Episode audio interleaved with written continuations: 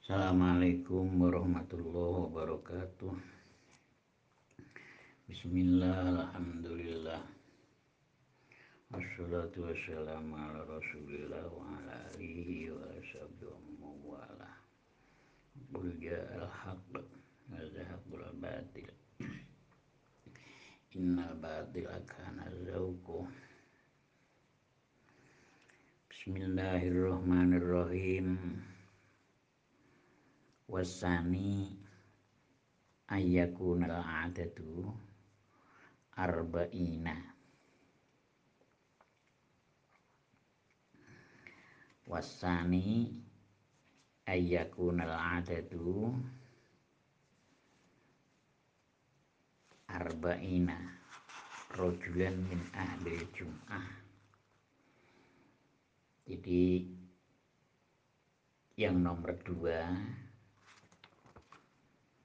dalam masalah syarat saya ngedekne Jum'ah menurut Syafi'iyah ini jamaahnya harus ada orang 40 dari ahli Jum'ah itu sendiri. Kemarin sudah dikatakan ahli Jum'ah itu siapa?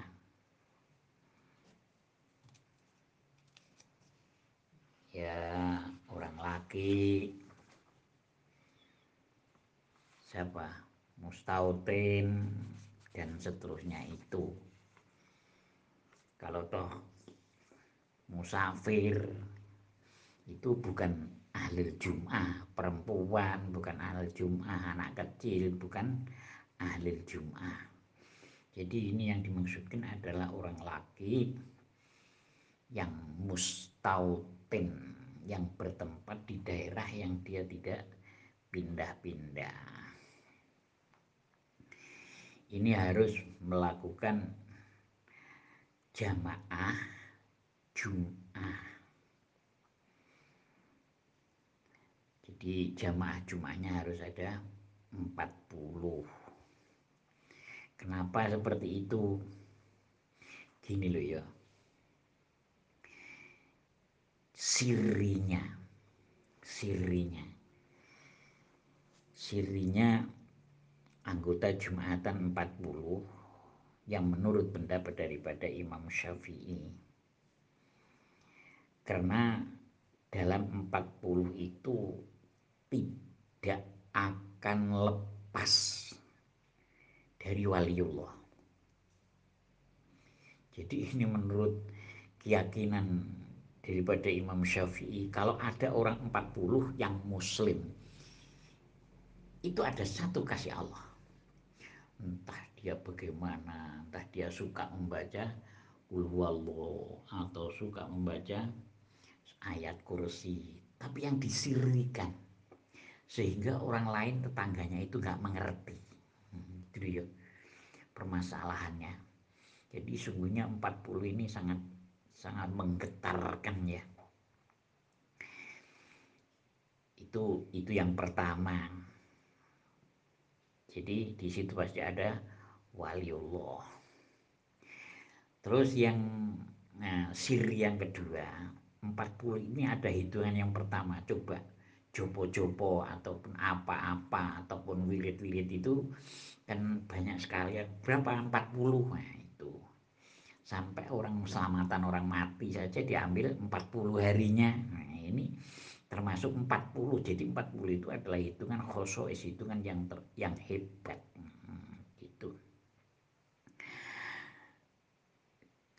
Dan manusia itu kalau yang nomor tiga manusia itu apabila belum usia 40 dia itu masih bisa berkembang. Tahu kalian? Siri daripada usia 40 itu apabila sekarang kerja gitu aja ya. Kerja atau dalam kehidupan manusia itu sendiri. Dia itu masih bisa untuk naik itu masih bisa. Kalau kita benar-benar minta kepada Allah dan memang kerja keras itu masih bisa naik Tapi kalau sudah 40 ini sudah tidak bisa.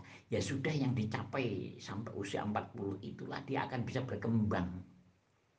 Cuman bukan apa? Bukan bukan mengambil hal yang baru. Jadi sifatnya mengembangkan. Dulu pernah masih kecilnya pernah begini. Ini bisa masih yang berkembang sebelum usia 40 tapi kalau mulai kecil sampai usia 40 belum pernah dilakukan, maka tidak akan melakukan yang usia 40 ke atas dengan sendirinya, begitu Itu permasalahannya. Makanya 40 ini benar-benar di apa kan? Di diutamakan. Jadi manusia ini masih akan bisa berkembang sampai pada usia 40 tapi kalau sudah usia 40, ya sudah habis waktunya. Tidak akan bisa berkembang. Mungkin dalam masalahnya kaya, mungkin dalam masalahnya pinter, mungkin dalam masalahnya apa, dalam masalahnya apa. Ini harus sudah dilakukan sebelum usia 40. Jangan ngoyo, jangan ngayal. Kalau nanti kalau sudah tua saya akan sembahyang yang khusus sekarang belum ada waktu sekarang ekonominya belum tata itu jangan ngayal susah itu yang seperti itu. Ya ada cuman susah. Kan banyak sekali. Kenapa kamu nggak sembahyang? Aku gurung toto belum tata ekonomiku belum teratur. Ya itu tidak bisa seperti itu. Makanya sembahyang itu diajarkan uh, mulai dari usia tujuh tahun. Itu siri 40 yang ketiga yang keempatnya nabi. Kesemuanya nabi. Itu diutus diperintah oleh Allah. Itu apabila sudah usia 40 jadi kalau sebelum usia 40 tidak ada nabi itu yang sudah diutus. Mamanya usia 39 dia sudah di, diutus sebagai nabi. Enggak makanya Rasulullah sendiri menerima waktu menerima wahyu itu ada usia 40 makanya sebelum usia 40 itu usaha yang betulan. Masih bisa itu untuk diusahakan. Tapi kalau sudah lepas daripada 40 itu ya sudah. Umur 40 nggak jadi nabi ya sudah. Kalau waktu dulu sebelum sebelum terjadinya eh, sebelum ter, terangkatnya Rasulullah ya tidak bisa sudah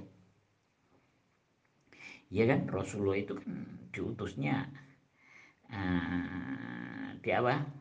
Di usia yang ke-40 makanya dari hitungan 40 ini akhirnya diambil oleh Imam Syafi'i sebagai hitungan jamaah dan mendengarkan khutbahnya Jum'ah. Lo gitu loh jadi kalau 12 ya gak apa-apa menurut pendapat yang anu itu. Kalau kan ya seperti itu. Makanya kalau kalau mungkin seperti di Jawa ini, seperti di daerah kota-kota, ya, walaupun di Kalimantan itu kalau daerah kota ya rame, tapi kalau di pedalaman yang susah itu di daerah pedalaman, bukan perkampungan, bukan bukan kota. Kalau kota ya sama aja seperti di sini, gitu loh ya. Jadi karena ada siri-siri yang diterapkan dalam usia 40 oh, gitu.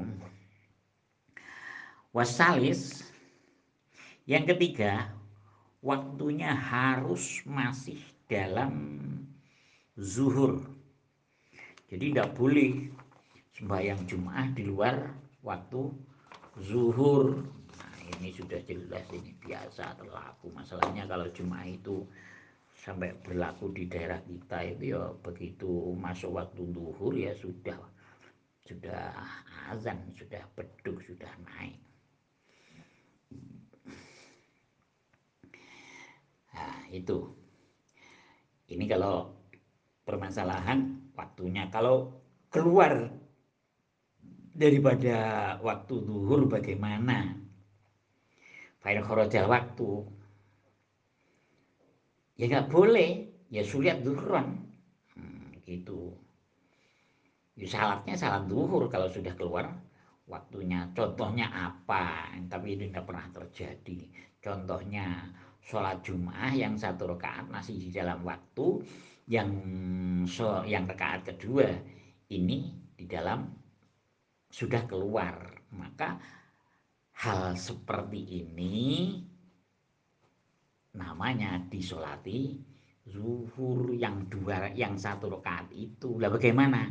Niatnya Jum'ah rokaatnya berapa? Jadi empat rakaat. Masalahnya sholatnya zuhur. Tapi nggak pernah terjadi itu. Jarang terjadi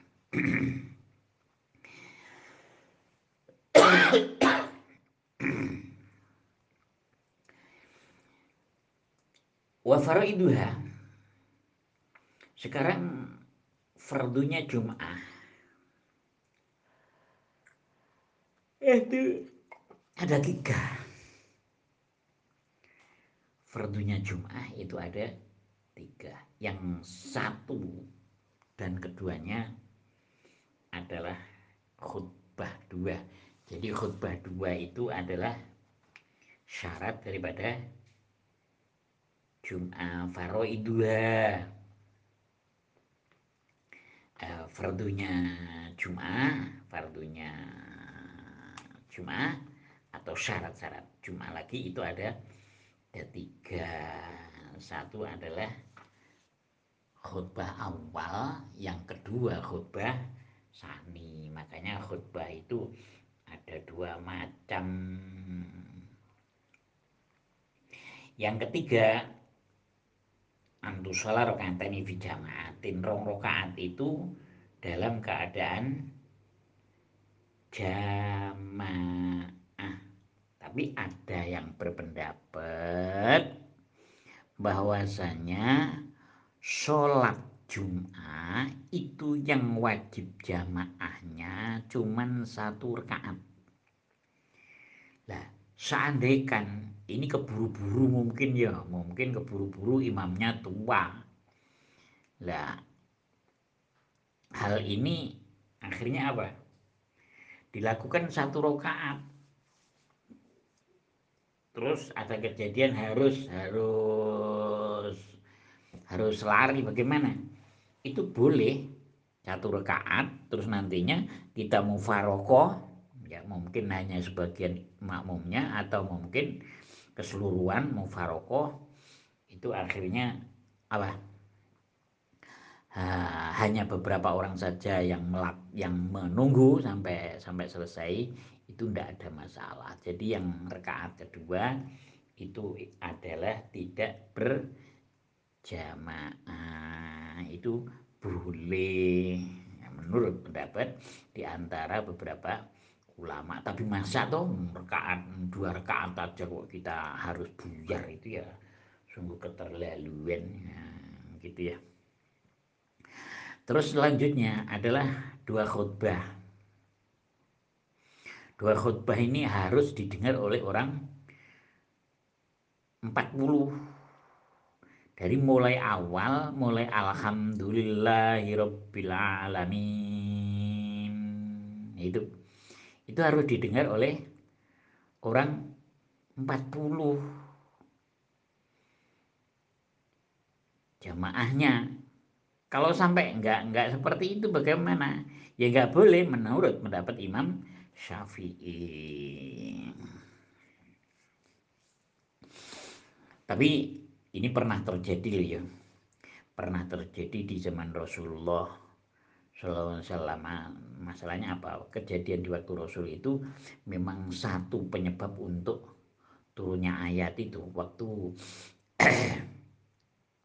waktu kejadian Rasulullah SAW khutbah ini ada rombongan pedagang dari negara Syam yang masuk ke negara ke ke ke Jum'ah ke Madinah.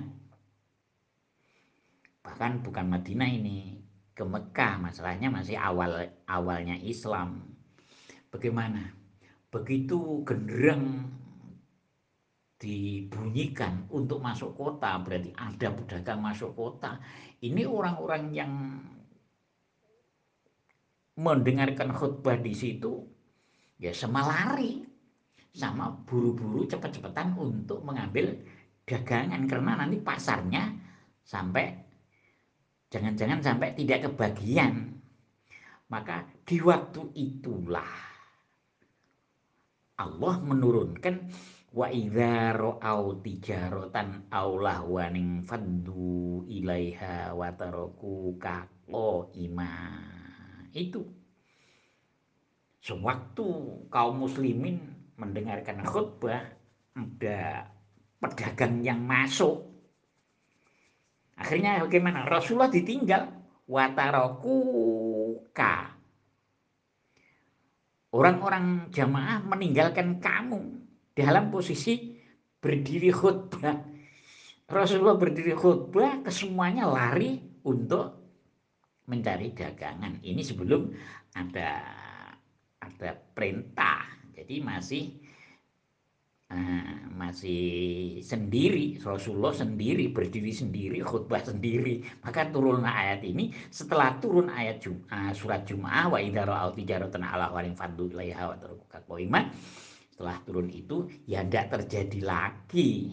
Itu memang penyebab untuk menurunkan Allah mau menurunkan dalam sunatullah akan menurunkan surat Jum'ah. Loh itu jadi jangan sampai lari untuk untuk apa? Untuk berebutan perdagangan. Gitu. Kenapa? Ya karena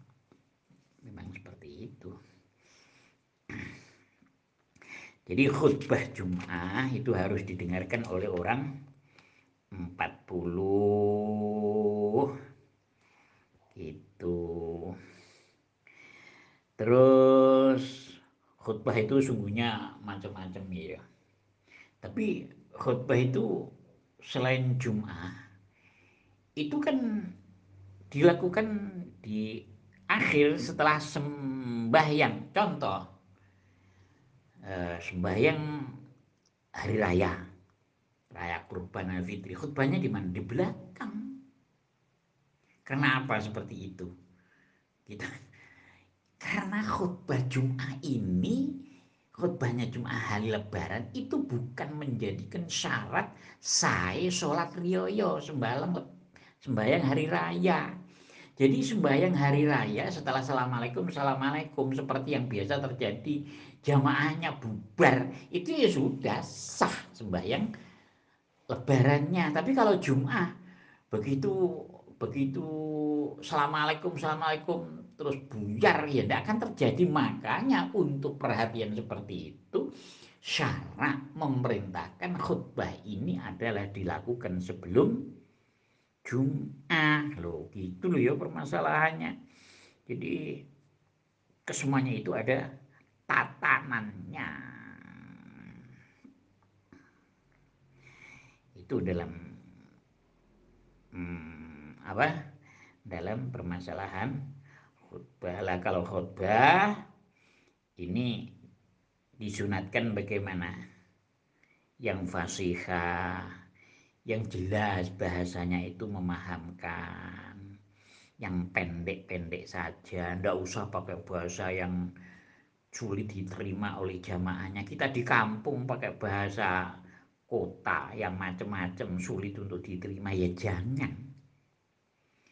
Ya pakai bahasa apa? Ya pakai bahasa desa, pakai bahasanya itu sehingga mudah untuk diterima. Loh gitu.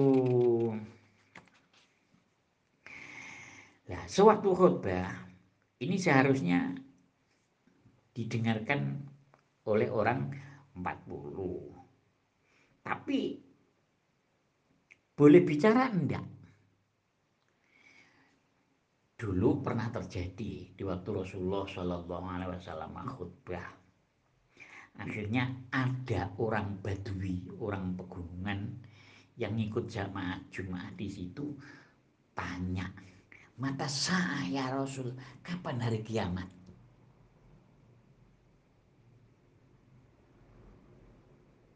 Ini tanyanya orang Badui. Akhirnya Rasulullah dengan khutbahnya ini tanya, apa yang sudah kamu siapkan untuk hari kiamat itu? Ini Rasulullah juga mengimbangi dalam pertanyaan si Badui ini di waktu Rasulullah khutbah. Badui pun juga mendengarkan khutbah. Hmm, gitu. Lah, akhirnya oleh Badui dijawab, aku sudah siapkan Aku senang Allah, cinta Allah dan cinta Rasulnya. Badui menjawab lagi seperti itu. Dan Rasulullah SAW juga menjelaskan innaka ma'aman ahbabtah. Kamu akan bersamaan orang yang kamu cintai. Karena orang Badui, orang kampung ini cinta Rasul, ia pun juga akan cinta Rasul masuk surga bersamaan dengan Rasul. Lah, perkataan orang Badu yang seperti ini itu tidak ada satupun di antara ulama yang berbeda pendapat bahwasanya itu wajib sukut cuman dalam permasalahan sekarang banyak sekali di masjid itu lumrah dalam masjid itu harap tenang waktu khutbah dibaca. Maksudnya ya jangan bicara. Seperti uh, siapa itu? Seperti Bilalnya itu sendiri. Bilalnya sendiri itu kan menganjurkan jangan berbicara angsitu itu jangan berbicara kalau waktu khutbah dibaca. Kalau kalian berbicara, maka fakot lahot. Di sana dikatakan akan sia-sia kamu dalam jumatan itu, dalam khutbah itu. Lah fakot lahot di sini permasalahannya sia-sianya bagaimana? Sia-sia kamu pahalanya isra. Pahalanya mendengarkan khutbah bukan pahalanya Jumatan bukan pahalanya khutbah tidak. Makanya dalam Bilal dalam Bilal itu kan mengatakan seperti itu. Nah, gitu. Jadi apa? Diperintahkan untuk mendengar, tapi ini hukumnya apa? Sunnah karena ada kejadian orang Badui seperti itu pun juga apabila kita berbicara pada temannya itu pun khutbahnya juga tidak batal. Lah fakot lahut di situ adalah lahut isyraq tidak akan kalian menerima daripada pahalanya apa? Pahalanya mendengarkan khutbah. Ya seperti orang Badui itu menanyakan Kapan hari kiamat terjadi ya Rasul? Ya itu. Apa yang kamu siapkan? Ya dia menjawab, aku sudah cinta Allah dan cinta Rasul. Rasul menjelaskan lagi, kamu akan bersamaan dengan orang-orang yang kamu cintai. Gitu. Lah disunatkan bagi khotib untuk apa? Uh, hmm, apa itu? Uh, pakai tongkat. Kalau dulu itu pakai saif pakai pedang. Kirinya itu pegang tongkat lah kanannya itu pegangan pada mimbar ya mungkin mungkin mimbarnya itu tinggi jadi jangan sampai terjadi jatuh. Hmm, gitu. Itu dalam permasalahannya. Khutbah. Kayaknya waktunya sudah habis ya teman-teman. Jadi seperti itu. Semoga uh, bermanfaat. Dunia wa ukhron Allahumma amin Assalamualaikum warahmatullahi wabarakatuh. Assalamualaikum teman-teman. Eh, dalam isian pengajianku di tengah tadi ada menjelaskan tentang khutbah uh, apa Jum'ah di hari Lebaran nggak nggak seperti itu loh ya jadi khutbahnya sholat hari raya itu berada di belakang sholat sholat hari raya bukan sholat Jum'ah gitu loh. Jadi sholat hari raya jadi khutbahnya itu ada di belakang. Karena apa? Karena khutbah itu tidak menjadikan persyaratan absahnya sholat hari raya itu itu tadi salah itu yang di yang saya ngomong itu. Ya maaf loh ya oh, seperti tempo hari itu kan ada juga orang tua seperti itu. Ya makasih. Assalamualaikum